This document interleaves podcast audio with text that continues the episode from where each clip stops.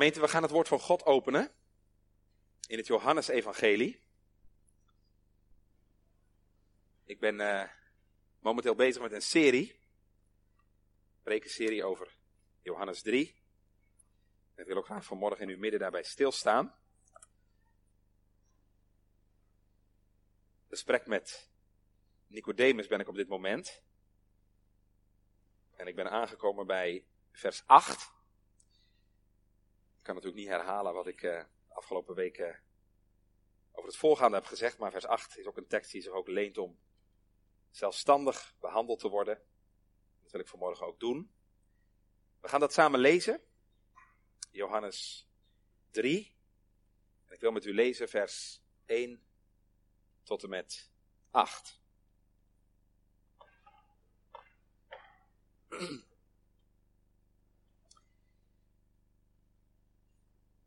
Waar het woord van God als volgt tot ons komt. En er was een mens uit de Fariseeën. Zijn naam was Nicodemus, een leider van de Joden. Deze kwam s'nachts naar Jezus en zei tegen hem: Rabbi, wij weten dat u van God gekomen bent als leraar, want niemand kan deze tekenen doen die u doet als God niet met hem is.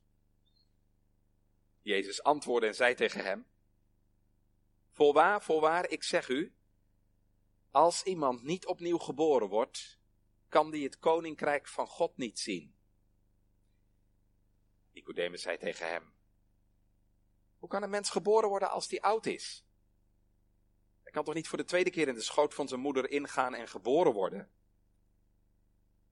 Jezus antwoordde: Voorwaar, voorwaar, ik zeg u, als iemand niet geboren wordt uit water en geest, dat is eigenlijk de toelichting hè, op wat Jezus in vers 3 zei. Als iemand niet geboren wordt uit water en geest, kan die het koninkrijk van God niet binnengaan.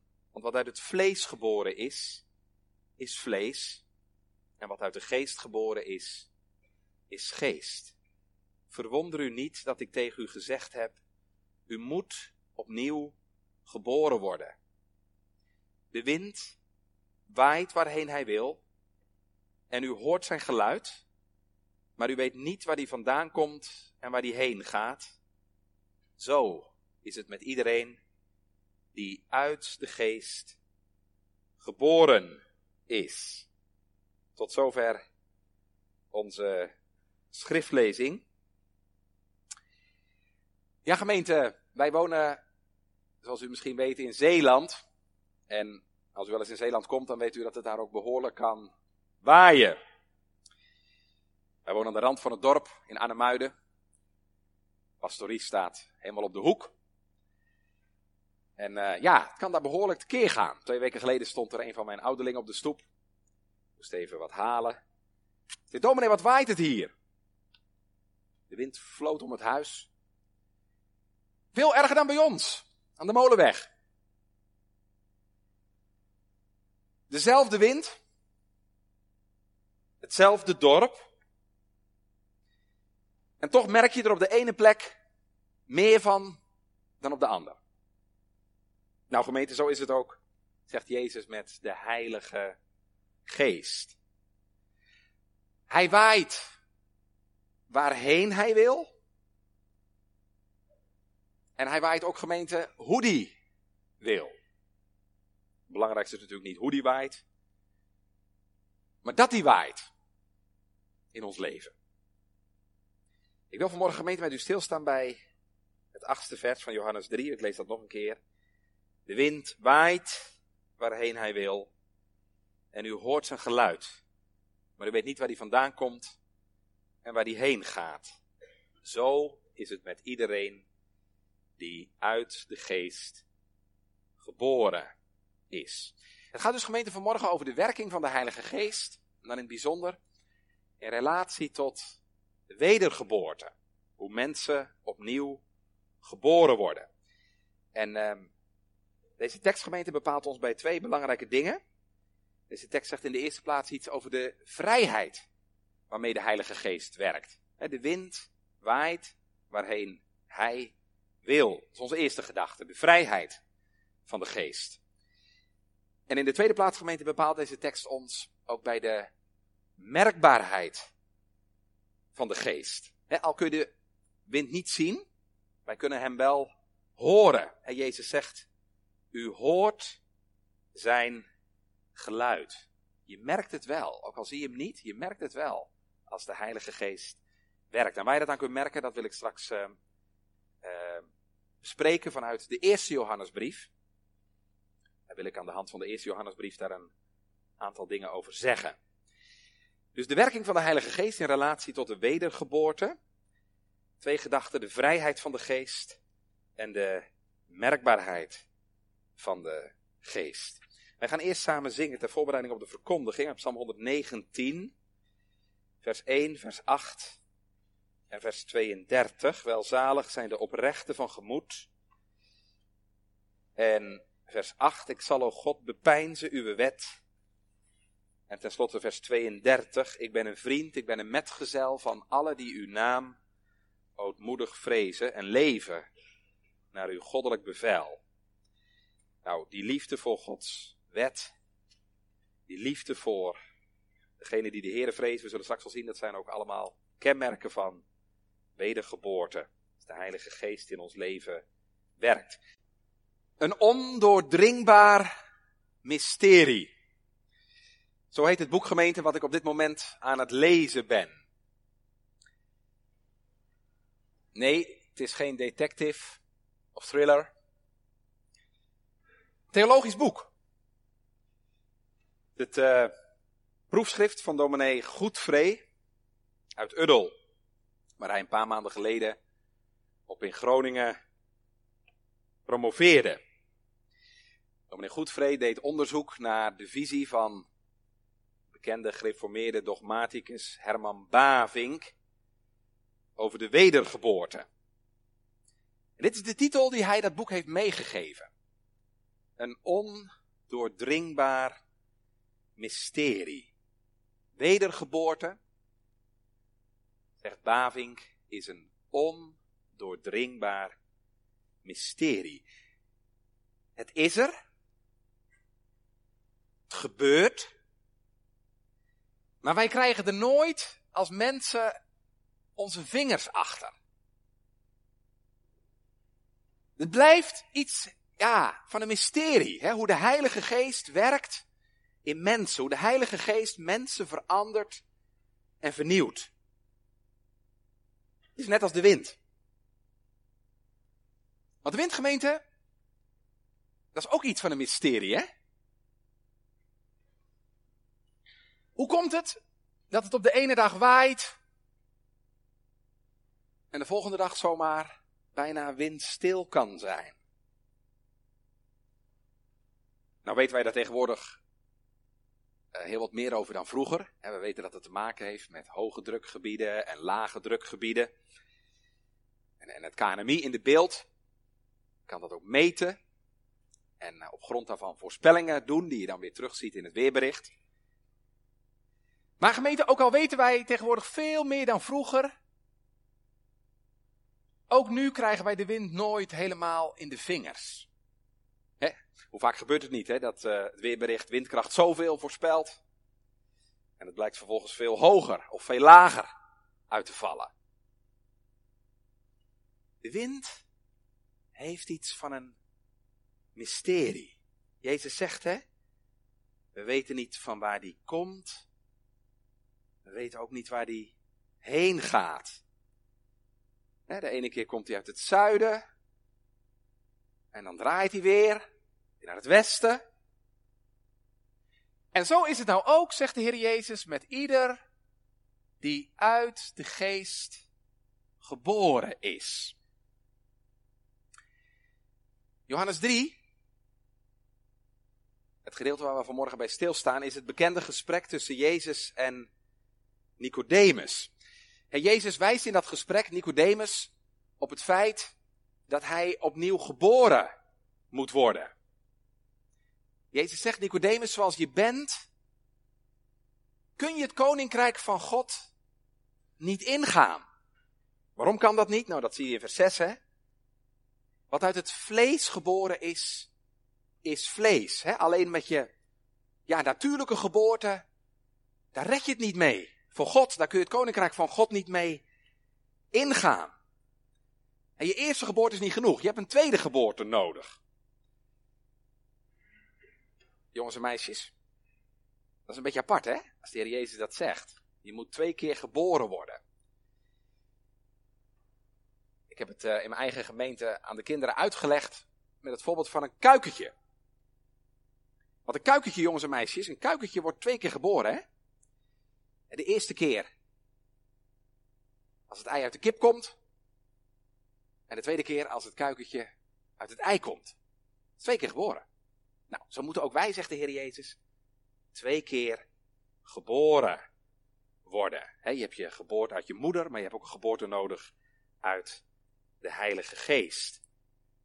Het is een geboorte uit de geest. En Jezus zegt in vers 5, als iemand niet geboren wordt uit water en geest, kan die het koninkrijk van God niet ingaan. Wat betekent dat? Geboren worden uit water en geest. Nou, watergemeente, dat slaat op reiniging. ik en u, wij hebben het nodig dat wij gereinigd worden, dat we afgewassen worden, dat onze zonden worden afgewassen. En geest betekent natuurlijk dat het nodig is dat de Heilige Geest in ons hart gaat wonen en werken. Dat de Heilige Geest ons een nieuw hart geeft. Dat de Heilige Geest je leven vernieuwt. Dan ben je uit de geest geboren. Dan word je een geestelijk mens. Nou, en vanmorgen, in onze tekst gaat het er vooral over de manier, de wijze waarop de Heilige Geest dat doet. En daar gebruikt Jezus dus dat beeld bij van de wind. De Heilige Geest, gemeente, die is als de wind en die werkt ook als de wind. Geest lijkt op de wind. U weet waarschijnlijk wel, hè? Zijn naam is in het Grieks zelfs hetzelfde. Het Griekse woord voor geest is pneuma. En pneuma is ook het woord dat de Bijbel gebruikt voor Wind, lucht. Wij kennen dat ook wel in onze taal, hè? Als iets pneumatisch wordt aangedreven, hè, dan wordt er gebruik gemaakt van luchtdruk. En als de dokter tegen u zegt met een moeilijk woord dat u last hebt van pneumonie, dan bedoelt hij dat je een longontsteking hebt. Hè, problemen met je luchtwegen.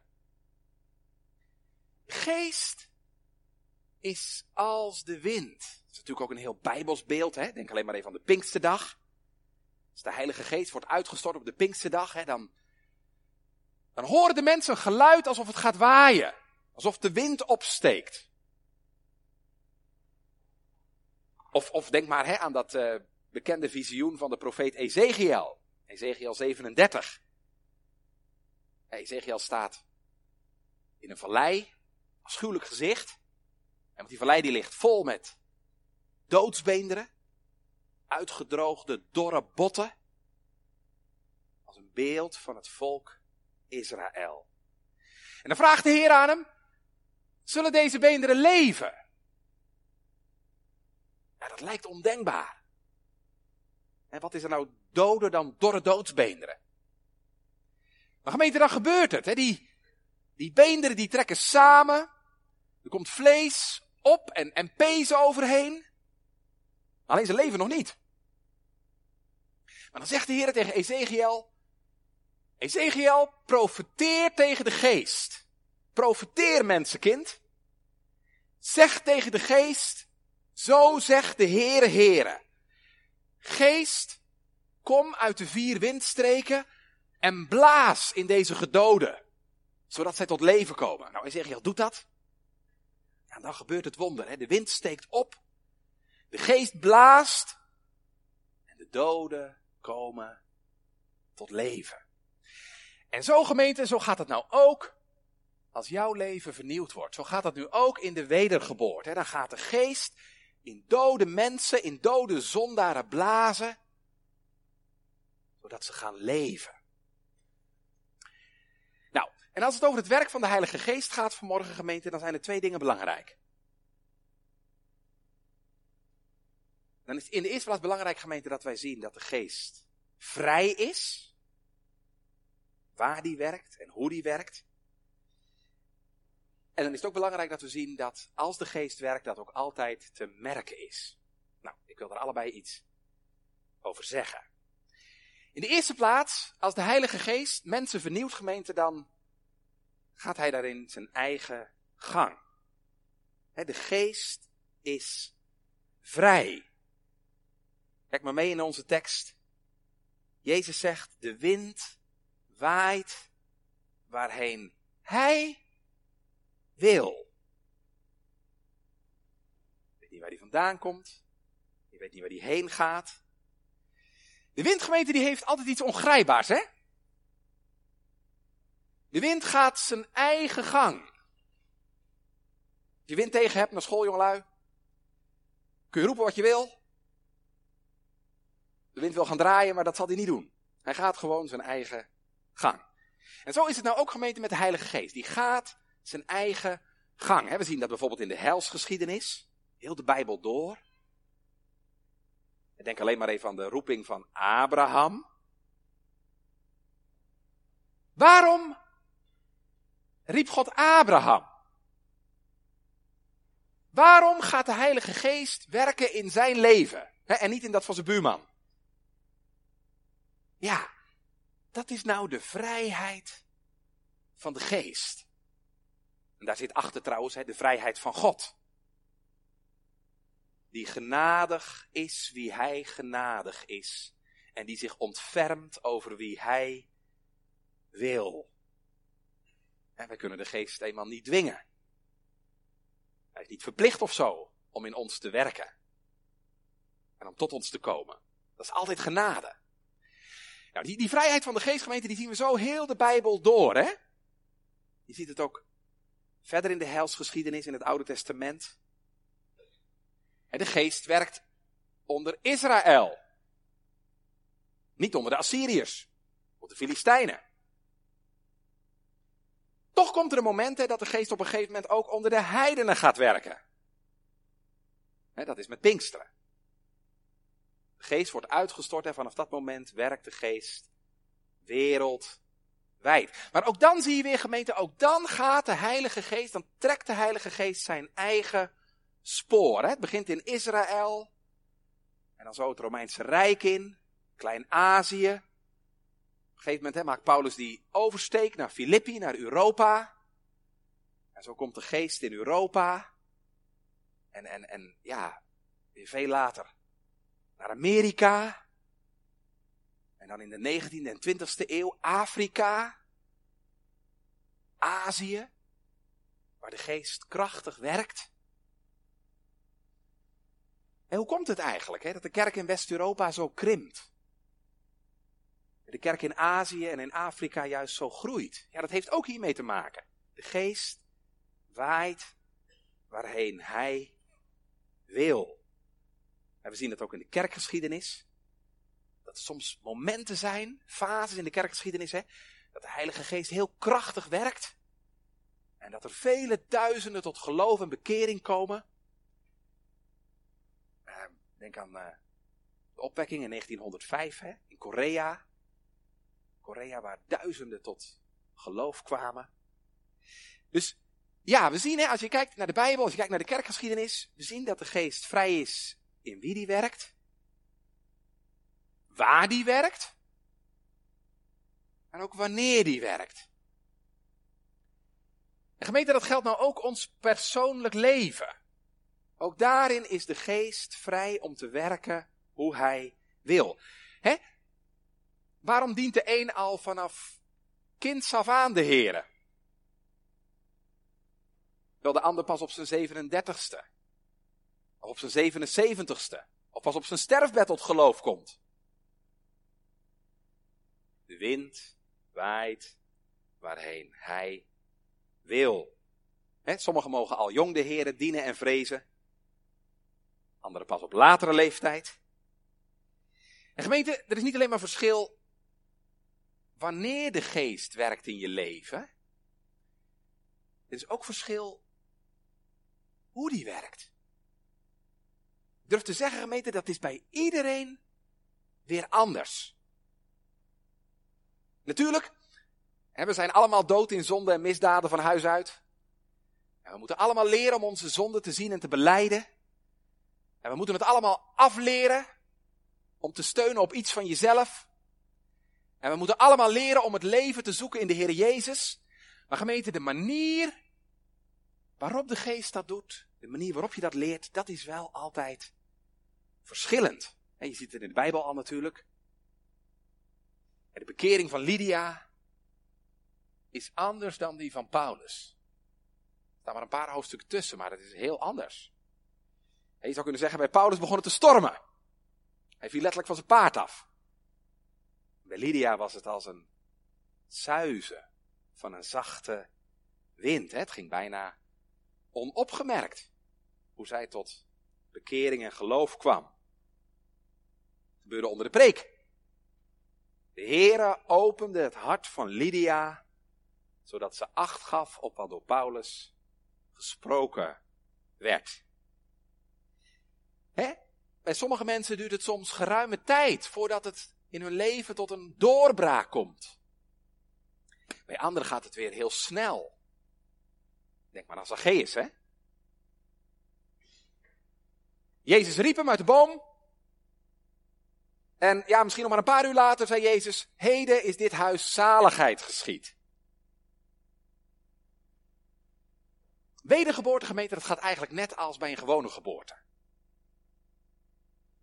Waar de ene geboorte soms uren duurt. Sommige moeders zullen dat vast wel weten. Um, kan een andere geboorte soms heel snel gaan. Toen onze jongste geboren werd, kwam de verloskundige op een gegeven moment mijn studeerkamer op en zei: nou moet u toch echt wel komen, want het gaat nu echt gebeuren. Ik zal nog een mail te typen, maar het zette zo snel door. Dat kan. De ene geboorte duurt lang, de andere geboorte gaat heel snel. En ook de aanleiding kan heel verschillend zijn. Bij sommige mensen is een heftige gebeurtenis, een moment van omkeer in hun leven, een ziekte of een ongeval. En de bekende John Newton, van het lied Amazing Grace, kwam tot bekering tijdens een storm. Die storm was zo heftig dat hij dacht dat hij moest gaan sterven. En toen besefte hij dat hij God niet kon ontmoeten.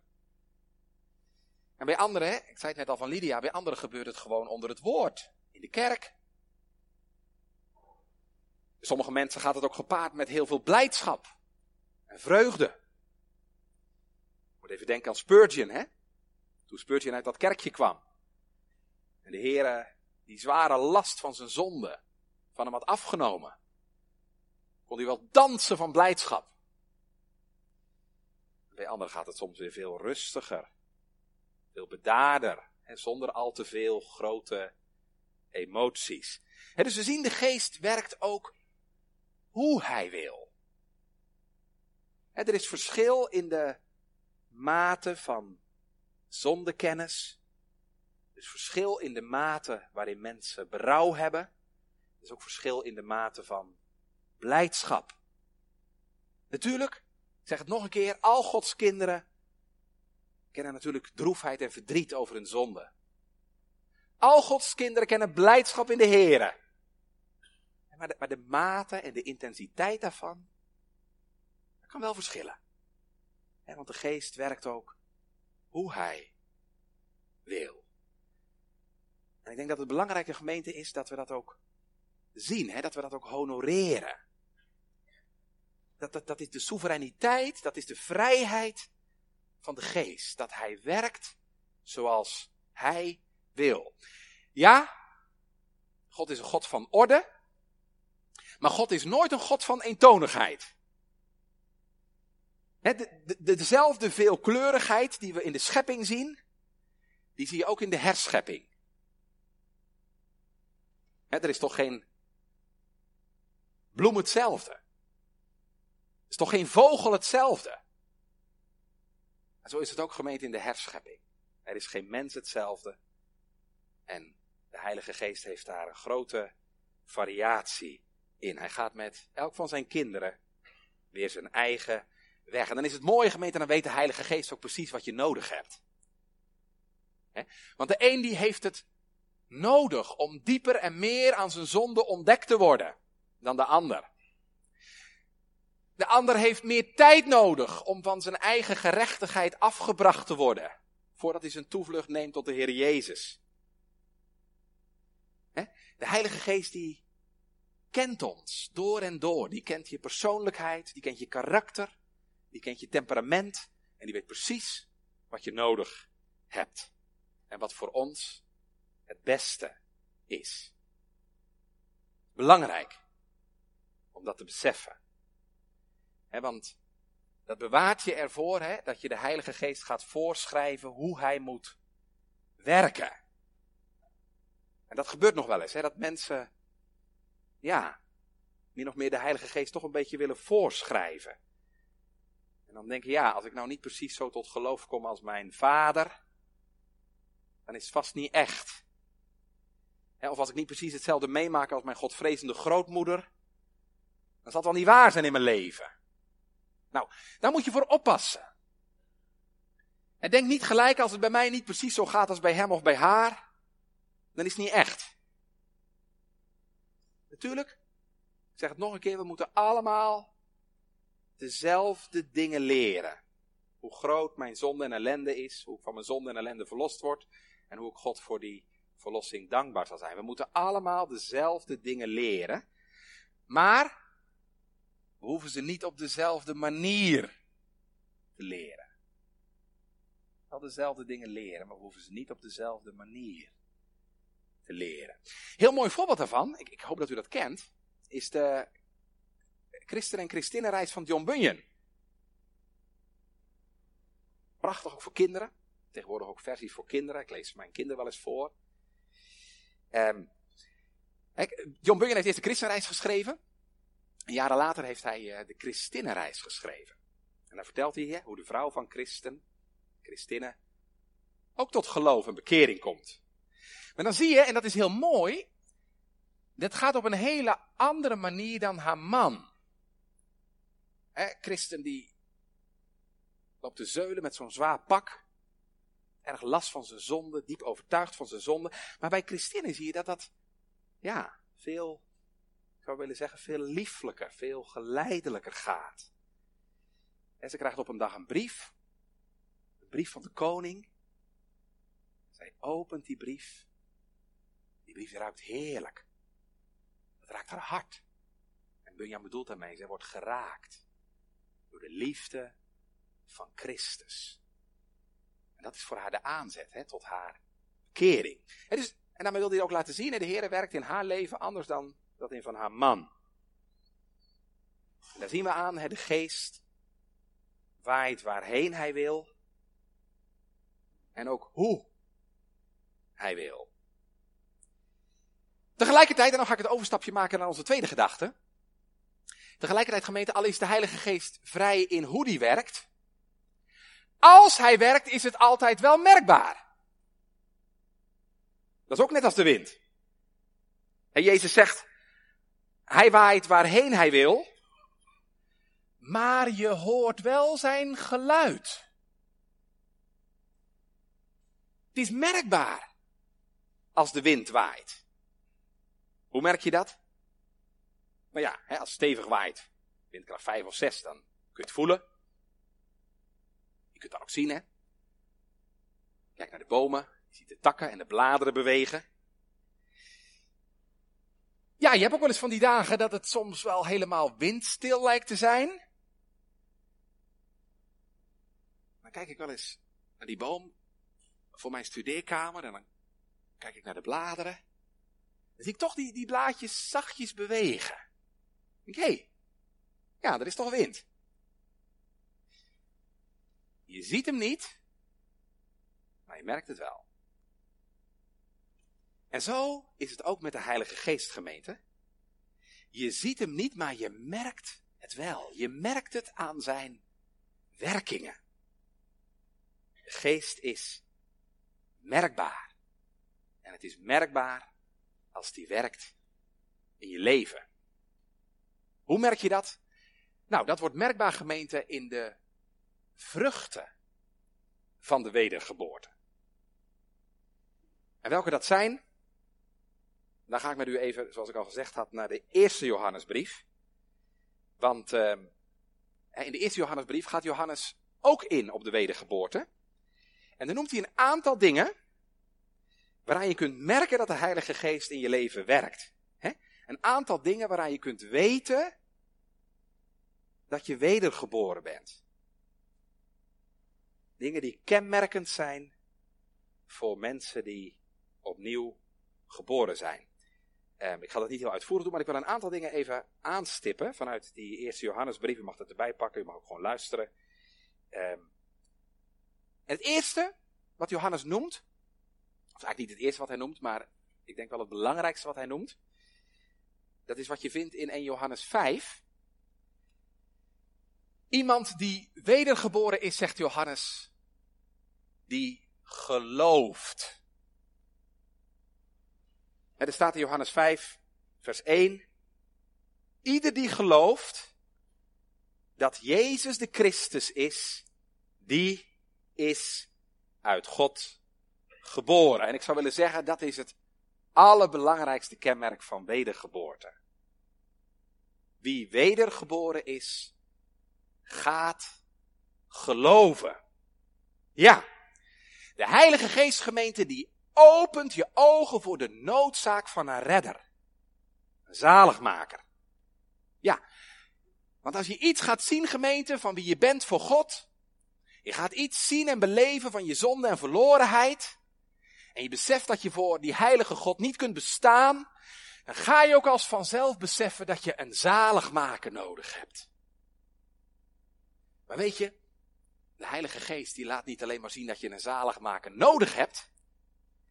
Hij laat je ook zien dat Jezus Christus geschikt is om je zaligmaker en redder te zijn. Hij laat je zien dat in de Heer Jezus alles is te vinden wat jij nodig hebt.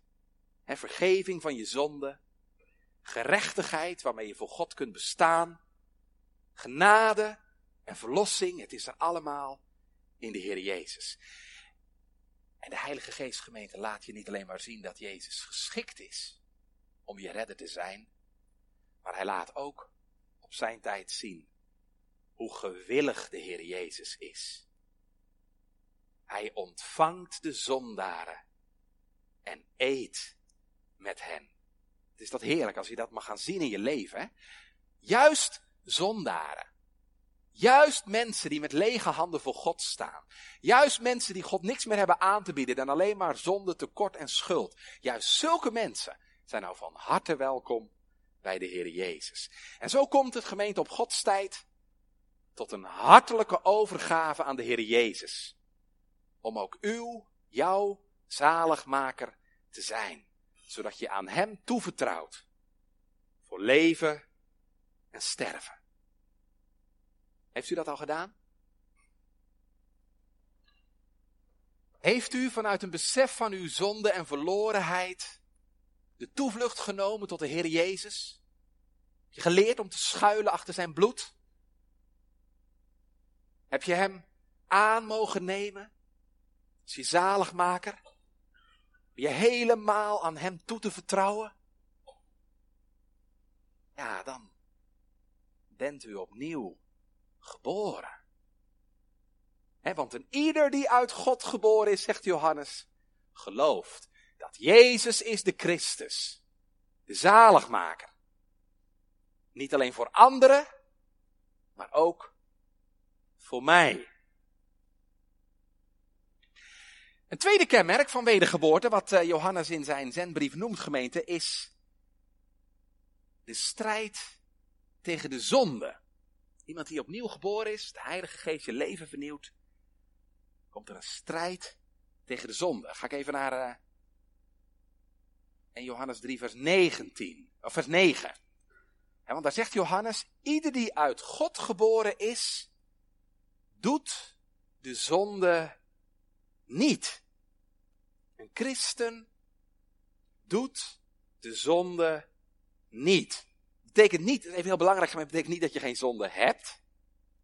Daar is Johannes heel duidelijk over, want dat hebben we natuurlijk wel. Hè. Hij zegt in 1 Johannes 1, als we zeggen dat we geen zonde hebben, misleiden we onszelf. Maar hier zegt hij, wie uit God geboren is, doet de zonde niet. Hij bedoelt, de zonde is niet iets wat je dagelijks patroon is. Want in het leven van een christengemeente komt een strijd tussen vlees en geest. Een christen haat de zonde en verzet zich ertegen. Doe je dat? Is de zonde u een last? Is er niets waar je zo'n hekel aan hebt gekregen als aan de zonde? En die, die hoogmoed, waardoor je soms zoveel beter voelt dan een ander. Die wellust, die soms zo de kop opsteekt. Die hebzucht, waardoor je jaloers bent op een ander. Op het geluk van een ander, op het succes van een ander, op het huis van een ander. Je zegt, oh God, ben ik dat? Je er een haat en een afkeer bij voelt. En er berouw over hebt en het aan God beleidt. En en God bidt om kracht om je er tegen te verzetten.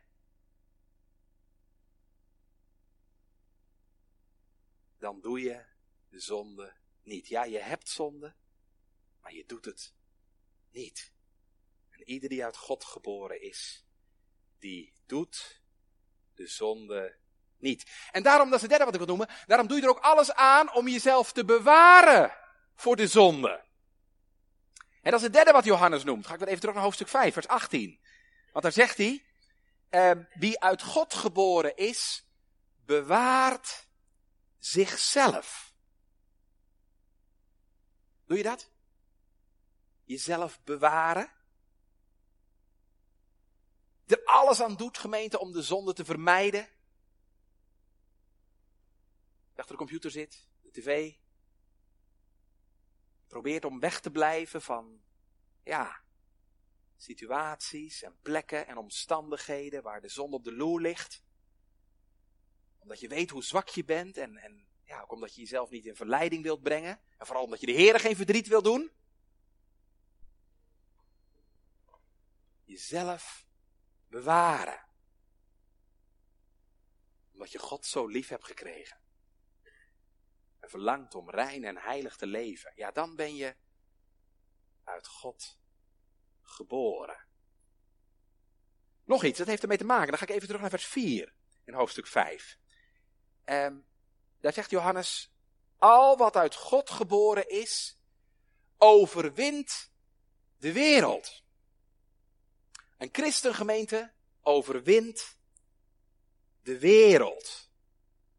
Dat betekent dat je je niet meer laat leiden door de meningen en de opinies van de wereld. Dat je kritisch bent naar wat je hoort en ziet om je heen. Dat je beseft dat er verleidende machten zijn die niet uit God zijn. En je laat je visie niet meer zomaar bepalen door wat je op Netflix ziet of op het nieuws hoort. Maar je wilt alles toetsen aan het woord en de wil van God. En je beseft, het is niet waar wat de wereld denkt.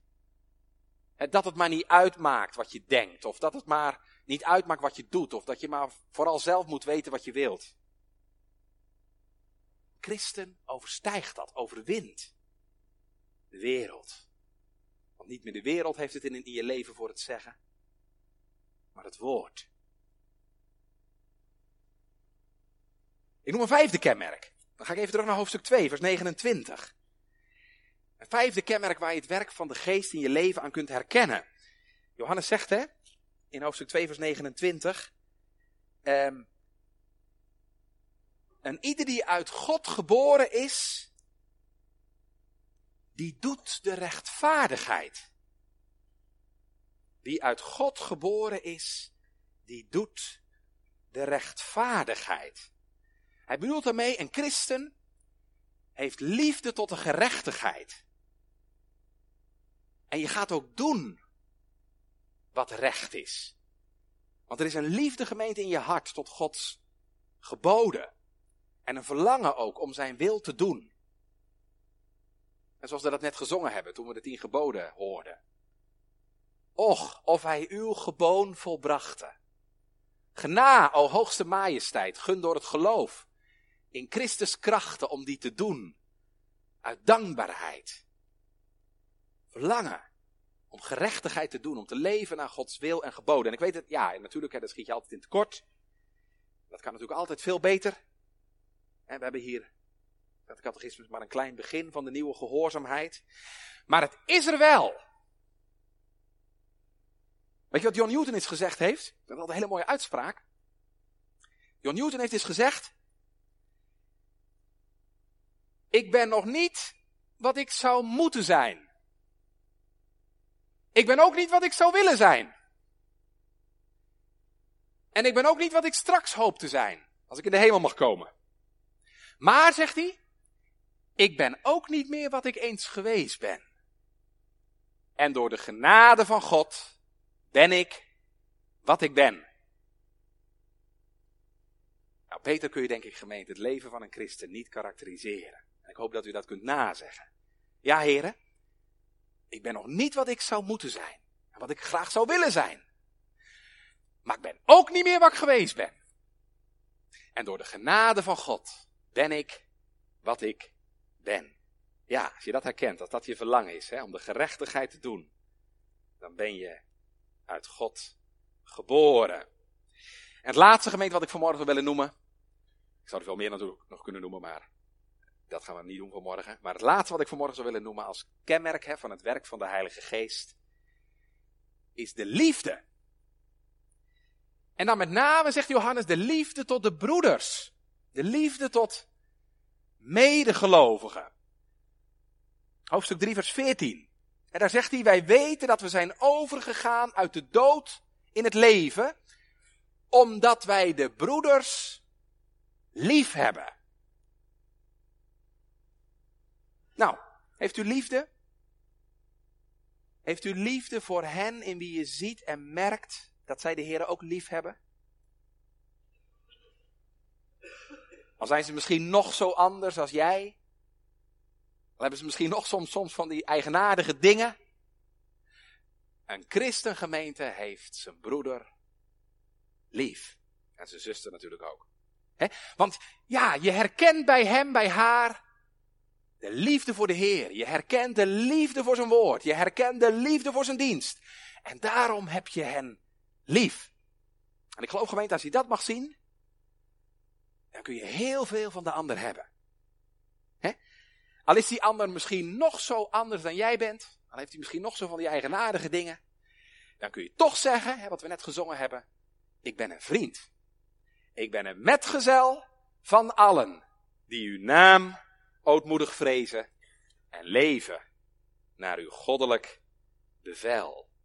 Want het zijn toch de kinderen van één vader, leden van één huisgezin. En die bestaan elkander nader, zegt Groenewegen, dan de band van de aardse min, de aardse liefde. Nou, zes dingen die Gods woord noemt. Zes dingen die de Heilige Geest werkt. Geloof in de Heer Jezus. Strijd tegen de zonde. Jezelf bewaren ook van de zonde. De wereld overwinnen. Gerechtigheid doen. En liefde. Tot de broederen. Nou, zie je het? Dat je het merkt als de geest werkt? Je ziet hem niet. Maar je merkt het wel. Merkt u het ook? Lieve gemeente, toets jezelf. Onderzoek jezelf of deze dingen bij je zijn. Bijbels. Hè? Onderzoek jezelf of je in het geloof bent. En Gods woord geeft ook duidelijke kenmerken waar we dat dan kunnen herkennen in ons leven. Waar we onszelf ook aan moeten toetsen. Kijk, ik ben ervan overtuigd, gemeente, elke christen zal deze dingen bij zichzelf herkennen. Het een misschien meer dan het ander. En het een misschien soms duidelijker dan het ander. Maar in beginsel zijn bij al Gods kinderen deze dingen aanwezig. En ik zou zeggen, als dat nou zo is, dan mag je dat natuurlijk ook niet ontkennen. als je weet dat deze dingen in je hart leven, dan moet je dat niet ontkennen. Want dan doe je zelf mee tekort, maar dan doe je vooral ook de Heer mee tekort. Die deze dingen in je leven gewerkt heeft. dan ontken je het werk van de Heilige Geest in je leven. En dat mag niet. in plaats daarvan moet je de Heer juist daarvoor groot maken. Dan is het misschien nog heel zwak. Die het soms bijna niet voorhouden durft. Dan mag je er ook op vertrouwen. Als je dit mag herkennen in je leven. Dat Hij die een goed werk in je begonnen is. Mag ook je gebed zijn. Dat ook zal voleindigen. Tot op de dag van de Heer Jezus Christus. Ik was pas bij een jongen. Want ik echt geloof dat de Heer in zijn leven werkt. Maar hij durft daar niet voor uit te komen. Hij durft dat niet zo te zeggen. Maar toen ik hem pas sprak, toen liepen de tranen over zijn ogen. En hij zegt, dominee, ik mag het toch zien in mijn leven. Ik mag toch zien dat het waar is. Dat de Heer met zijn geest in mijn leven heeft gewerkt. En die jongen komt van heel ver. Jarenlang geschopt tegen de kerk. Alles gebroken. Alles gedaan wat God verboden heeft. Maar de Heer heeft hem weer teruggebracht. Zijn huis, onder zijn woord. Voor de jongen zo'n groot wonder. Ja, maar als je dat allemaal merkt, dan mag je het ook niet ontkennen. Als de Heer in je leven werkt. Bid dat de Heer dat wil verdiepen. En dat Hij die een goed werk begonnen is, dat ook zal voleindigen tot op de dag van Jezus Christus. Ja, en als je dit nou niet kent. Als je deze werkingen van de geest niet merkt. Nou, dan hoop ik dat u beseft hoe nodig het is dat de geest in je leven werkt. En dan hoop ik ook gemeente dat u beseft hoe afhankelijk je bent van de Heilige Geest. En wat we hebben vanmorgen gezien. De wind waait waarheen hij wil. Moeten we ook diep van doordrongen zijn. Hè? De geest is het niet verplicht om in mijn en uw leven te werken. Hij is vrij. En toch wil die werken, gemeente. Dat is het heerlijk ook in deze tekst. Hè? Jezus zegt, de wind waait. Hij waait. De geest werkt. Ook vandaag. Ook in 2019. Ook in Rotterdam. De geest ook krachtig gewaaid heeft in vroegere tijden. Maar God is nog steeds dezelfde. laat het ook uw gebed als gemeente zijn. Dat de Heilige Geest ook waait in deze stad in uw gemeente, want we mogen ervan doordrongen zijn. De Heer Jezus hier zegt dat de wind nog steeds waait. En als het je vraag is, ja, wat moet ik dan doen dat hij ook in mijn leven waait? Nou, het eerste wat ik zou willen zeggen, gemeente, besef dat je dat niet verdient, dat, dat in je leven werkt. Zeg dat ook maar. Heer, ik ben niet waard. Ik heb het niet verdiend dat u in mijn leven werkt. Maar Heer, ik heb het wel nodig. Gij kunt redden. Gij alleen. Laten we onze diepe afhankelijkheid beseffen. Maar gemeente, en dat is het tweede wat ik zou willen zeggen, besef ook je verantwoordelijkheid. Ik bedoel gemeente, er zijn plekken waar de wind waait. En er zijn plekken waar die niet waait, hè? Of nauwelijks waait. als je op een warme zomerdag wat uh, verkoeling zoekt, heb je meer kans op wind in Zeeland dan op de Veluwe. Dus zorg dat je daar bent waar het waait. En ik kan je op een briefje geven, dat gebeurt eerder wanneer je Bijbel opent dan wanneer je achter Netflix zit. En dat gebeurt eerder als je in de kerk zit, denk ik, dan wanneer je op voetbalveld loopt. En we, kunnen de geest natuurlijk ook ontlopen. moeten we niet doen. Besef je verantwoordelijkheid. En wees waar de wind waait. Wees waar de geest is. En als je merkt dat hij roept, als hij waait in je leven, laat die roepstem niet in de wind. Want de Heer zegt ook, mijn geest zal niet in eeuwigheid twisten met de mens. Dus wees afhankelijk. Besef je verantwoordelijkheid. En het laatste wat ik wil zeggen, gemeente. heb vooral ook verwachting. Ik zei het al, hè? De wind waait. Geest werkt. Ook vandaag. Waarom weet ik dat? Dat de geest werkt omdat Jezus leeft. En Jezus beschikt over de Heilige Geest. Hij heeft van zijn Vader de Heilige Geest als gave ontvangen. En hij stort hem uit. En hij stuurt hem waar hij wil. Dat je op de Pinkste dag. Maar dat geldt nog steeds. Jezus beschikt over de Heilige Geest. De geestgemeente doet niks anders dan wat de Vader en de Zoon willen. De geest komt waar de Vader en de Zoon willen. En dan mag ik vanmorgen zeggen, de Heer beschikt niet alleen over de geest, hij wil die ook geven. Hij zegt het zelf, en wat zijn dat toch altijd weer? Diep ontroerende woorden. Hij zegt het zelf. Indien u dan die boos bent, toch uw kinderen goede gaven geeft. Als je kind honger heeft, papa mag ik eten, mag ik wat brood? Dan zeg je toch geen nee. Indien nou u die boos bent, uw kinderen goede gaven weten geven. Hoeveel te meer zal de Vader in de hemel zijn heilige geest geven. Degene die hem bidden. O roep dan de Vader aan. In de naam van de Zoon. En laat het je gebed zijn. Heren, ik hoor van rijke zegen. Gij uitstort keer op keer. Laat ook van die milde regen druppels vallen op mij neer. Ook op mij. Ook op mij. Want, zo wat gij begeren zult in mijn naam, ik zal het doen. Amen.